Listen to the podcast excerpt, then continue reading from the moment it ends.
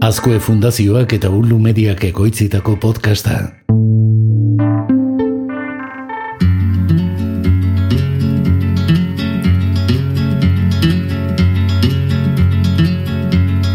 Langile baten semea naiz ni aita bezala langile Ez da lan gehiago egin behar, hobeto baizik. Esaldia ez da nirea, lan pertsonalen eraginkotasunean mundu mailako aditua den, jeroen sangersena baizik. Puntakoetan inorretzaigu gertatu ongile. Eskutsi jaio eta eskutsi kanabile. Puntakoetan inorretzaigu gertatu Izan ere normalean, zereginak mugagabeak izaten dira, baina denbora aldiz mugatua. Aita eta amak nahiko ninduten fabrika batian Beraz, garbi dago denbora kentzen diguten jarduerak identifikatzea eta dugun hastia modu egokian kudeatzea garrantzizkoa dela. Hau da, estrategia batzuk ezagutzeak edo antolaketa eta kudeaketa on bat izateak denbora asko aurrez diezaguke. Egunerokoan ordea, ikaslei zer egin behar duten esaten diegu, baina ez nola. Gaurko saioan, ikasketa emankor baterako gomendio eta tresna batzuk emango dizkizugu. Tartean murgildutako zomorroa izan Kaixo, maite goni naiz eta hau amar minututan podcasta da. Amar minututan. Maite gonirekin.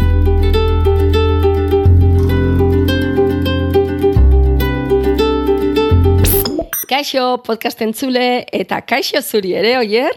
Kaixo maite desiatzen egon zurekin egoteko, eta gainera, entzundal e, bota duzun lagurpena, uste dut, gaurko saioan, inoiz baino eraginkor eta mankorragoak izango gara. Bueno, ez algara beti pixka bat horrelakoak edo horrela ibiltzen. eh, optimista jarrita bai, baina, baina izugarrizko informazio gomendio eta tresna pila eta dena amar mitutan ematen dugu, eta tira, Bai. ba, ba ondo torreko zaizkigu aholko hauek, ez? Bueno, oier, baina guk ere bekatuak egiten ditugula aitortu beharko dugu, ez?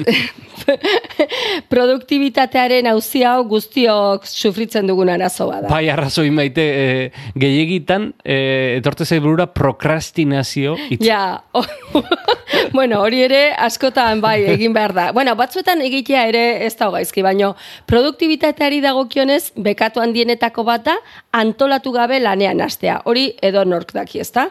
Egin behar ditugun zereginak lehenestea eta planifikatzea funtsezko funtsezko urratsa da. Bueno, beraz, funtsesko urrats horiek eh, emateko atalak aipatuko ditu gaurko amar minututan saioan. Adi, eh, oier? Bat, zereginen zerrenda prestatu behar da. Bi, lehentasunak ezarri behar dira. Hiru, egutegi bat egin behar da. Importantea. Oso importantea. Lau, dauden aplikazioak baliatu behar ditugu, ba, modu produktiboago batean lan egiteko edo. Azken hauetaz, aplikazioz esan nahi dut, gaur sakonduko dugula pentsatzen dut, ezta? Baina oier, zerrenda asko zere luzeagoa da. Adibidez, ikasteko zure unerik onenak identifikatzea, Mhm. errutina bat ezartzea, ikasteko espazio antolatu eta txuku mantentzea hori badakigu, zeregin baten ondoren bestea egitea, ikasketan zeharatzen txikiak egitea, bueno, eta horrela jarrai dezakegu ez, eta azkenik zure alegina saritzea. Bueno, bueno, bueno, puntu hori gustatzen zait. Horregatik esan dut banekielako gustatuko zitzaizula. Bueno, ba, iritzen bazaizu, hasieratik hasi behar dugu oier. Oso ondo, puntu horiek guztiak beste saioloren baterako utzi beharko ditugu, ezta? Bai, bai, bai, bai, ze bestela, eh, agobiatuko dugu eh, eh, entzulea, ez? Bueno, goazen ba, Bueno. produktiboak izan gaitezen, eta ez daukagu denborari galtzeko. Lehen da urratsa da egiteke dituzun zeregin guztiekin zerrenda bat prestatzea esan dugun bezala. Orduan, saiatu behar dugu zerrenda hori alik eta zehatzena izan dadin. Dena lotuta edukitzeko eta azken orduko sustorik ez izateko. Eta zerrenda hori komeni da beti eskura izatea. Horrela, une bakoitzan bete gabe dituzun zereginak zein diren jakinari izango duzu. Eta nola sailkatzen dira egitekoak, edo nola ordenatu? Bai, bueno, imaginatu dezakezun bezala, aplikazio mordo badago. Orduan, honena izaten da beti, ba, norbeak bilatza eta probatzea, ez? E, denak ez ditugu, denok ez ditugu behar berdinak. Baina, buenak, batzuk aipatzearren, badago bat software librea dena gainera, tasks.org hori probat dezakegu.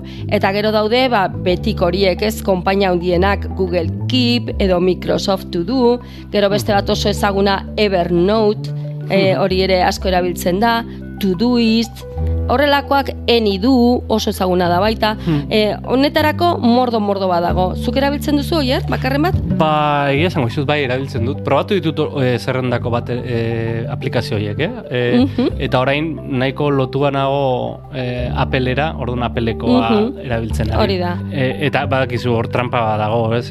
Beti horlako aplikazioak komeni da mugikorrean zein ordenagailuan lotuta egotea, ez? Eta hor ek ekosistema famatua sortzen da. bai, hori da, e, multifla, multiplataforma izaten dira, eh? Horrelakoak, ze, esan nahi dut, ez dauka inungo zentzurik, ba, batean hasi zerrenda egiten, eta gero etxera zoatz, eta mai Hmm. gainek ordenagailuan jarraitu, eta ez daukazu eguneratuta zerrenda hori. Eta noski oier, paper batean ere egin dezakezu, eh? kontua da beti eskura izatea zerrenda hori. Bueno, badaukagu papela edo dena delako aplikazioa. Eta ondoren, zer? Ondoren lehentasunak ezarri behar dira. Horretarako, adibidez, Eisenhower metodoa aplika dezakezu, oier? Ara, e, Ez zeizen dia- Esan behar pomposoa. nuen, ez diazu ezer esan behar horrekin. Zeizen pomposoa. Bai, oso teknika erraza eta erabilgarria da. E, kontua da, premiazko eta garrantzitsuak diren atazen artean bereiztea.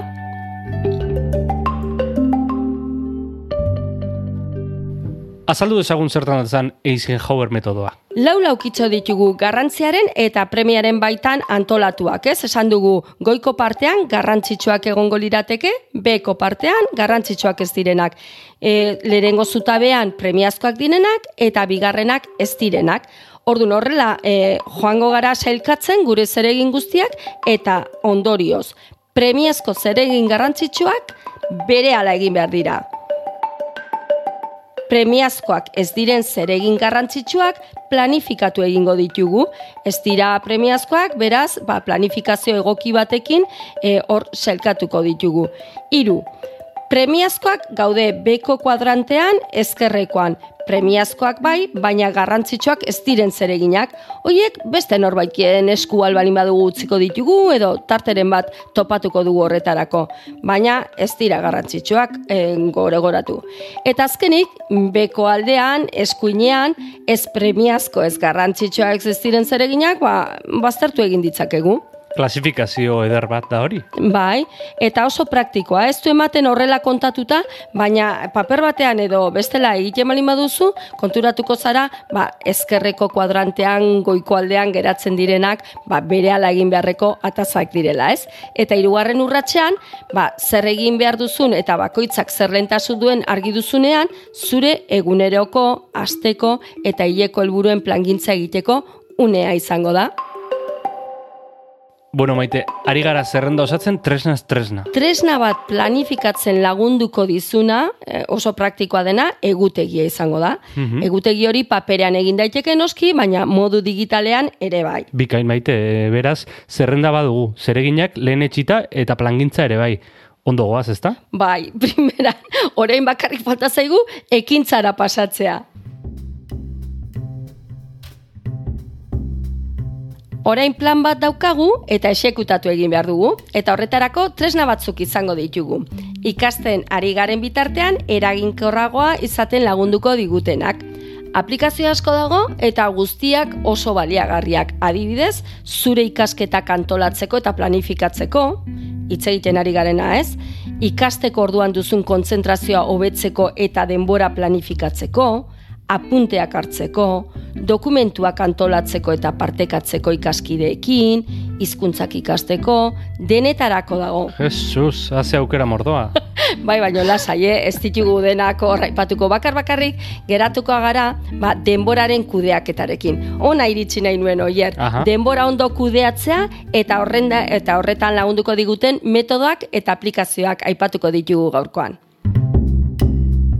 Hain zuzen ere, Pomodoro eta Kanban metodoak. Ezagutzen dituzu? Ez ditut ezagutzen, baina gaur izen moloiak ekartzen ari zara. bueno, ba, Pomodoro metodoa oso ezaguna da, eh? Da, denboraren administrazioan oinarritzen da. Lanak hogeita bost minutuz, Pomodoro deritzogun aldi tartea izango itzateke, hogeita bost minutuz distrakziori gabe egitean datza. Eta ondoren, bost minutuko atxeden hartzen duzu. Ez diturien zaila. Ez, ez, ez, gainera oso zehatza da. Teknika ezartzeko oinarrizko ba, bost urraz daude ez. Egin beharreko ataza hori erabakitzea, jarri pomodora erlojoa martxan, kronometroa, hogeita bost minutura, zereginean modu intentsiboan lan egitea, erlojuak soinua joarte, da, txirrinak joarte, eta isa bat idaztea, ez? Atazaia amaitu dezula. Laugarrena izango itzateke etenaldi labur hori egitea bos minutukoa eta amaitzeko lau pomodoro tarte hoietako e, egitean ba, etenaldi luzeago bat egingo dugu, ama hogei minutukoa. Bueno, e, beraz, hor dago pomodoronen tomatea, arreta ez galtzea, alegia.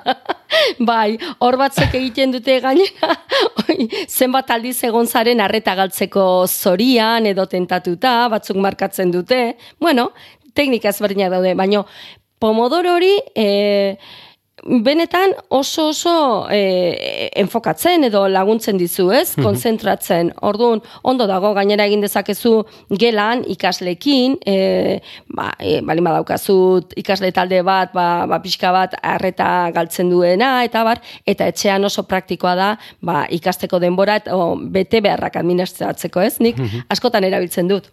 Ados, eta aplikaziorik badago Pomodoro metodorekin lotuta? Bai, E, iru aipatuko ditugu, e, Be Focused edo Forest Up hau oso ezaguna da, edo Focus to Do, mhm. hau, e, hauek ba, azken finean kronometroak dira, hau da, ez da behar, ez da aplikaziorik nahi ez balin bada, zegin dezakezu, e, ba, mugikorraren e, kronometroa ipini hogeita, e, hogeita bos minutura, eta gero bos minutuko tartea ere ipini, abian ipini. Beno, Pomodoro ikusi dugu eta ikasi dugu beraz, eta bigarren metodoak kanban izena du. Hori da, japoniarra da, hola ematen duen bezala, eta ikurrizuala edo txartela edo horrelako zerbait esan nahi du. Teknika ere oso erraza da, eta e, laguntzen diguna da, e, zeregin horiek modu bizualean antolatzen. Arbel bat edo papela handi bat, edo horlako zerbait beharko dugu beraz. Hori da, eta bertan hiru zutabe marraztu behar ditugu. Egin beharreko gauzak, deituko diogu lehenengo zutabeari, bueno, ingeles ez deitzen zaio honi to do, egiteke edo daudenak, bigarrenari, egiten ari garen gauzak, deituko diogu, doing, hau da to do, duin eta zein izango da hirugarrena ba egindako gauzak markatzen direnak egintzat ematen direnak dan. dan oso ondo nire inglesa da praktikatzen Ondoren, apuntatu txarteletan edo postitetan egin beharreko zereginak eta esleitutako pertsona. Hau nahi adina komplikatu dezakegu, eh? EPA, pertsonak eta barbaino kontua da.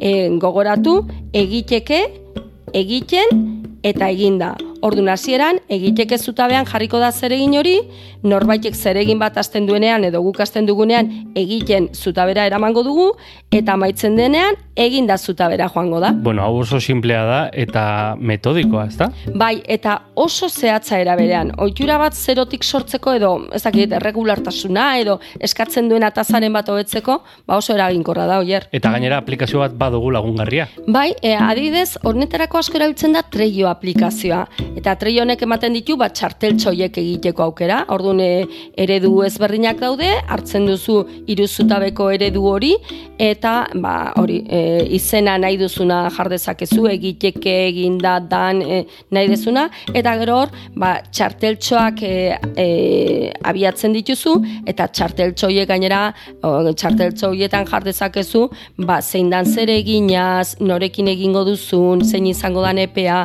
jakinarazpen bat nahi balin badezun eta bar. Eta gero ja, borobil borobiltzeko nahi balin badau, Kanban Flow aplikazioak ematen digu, ba, Kanban gehi pomodoro bi teknikak batzen ditu. Hau da, iru zutabetan eukiko ditugu zereginak, eta zeregin bakoitza hasi behartzarenean pomodoro teknika jardezakezu. Hau da, hogeita bos minutuko mhm. denbora martxan. Mm -hmm. Bueno, nik treio orain hortan deskargatu dut mugikorrean. Ez dakit ah, bai, balioko idan kontatuko dizut. Bai, ba, oso interesgarria da, esango jazu. Gainera, erabildezakegu baita gure arteko lanak egiteko.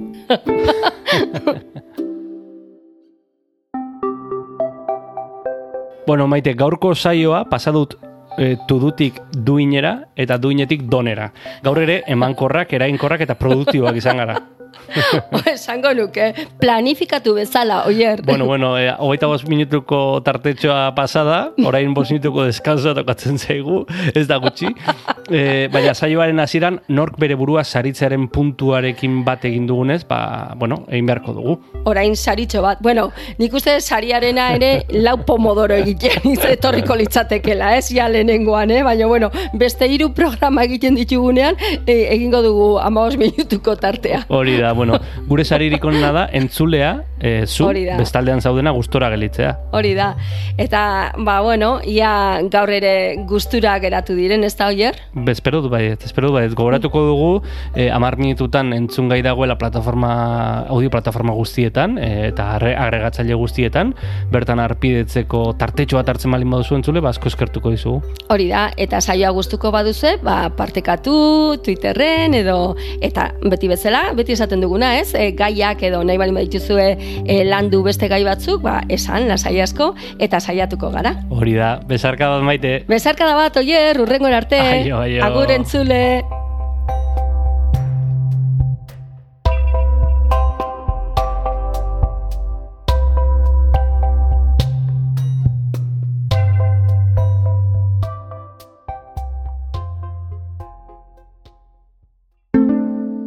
Azkoe Fundazioa. Ei, txt, entzun hori. Ulu Media.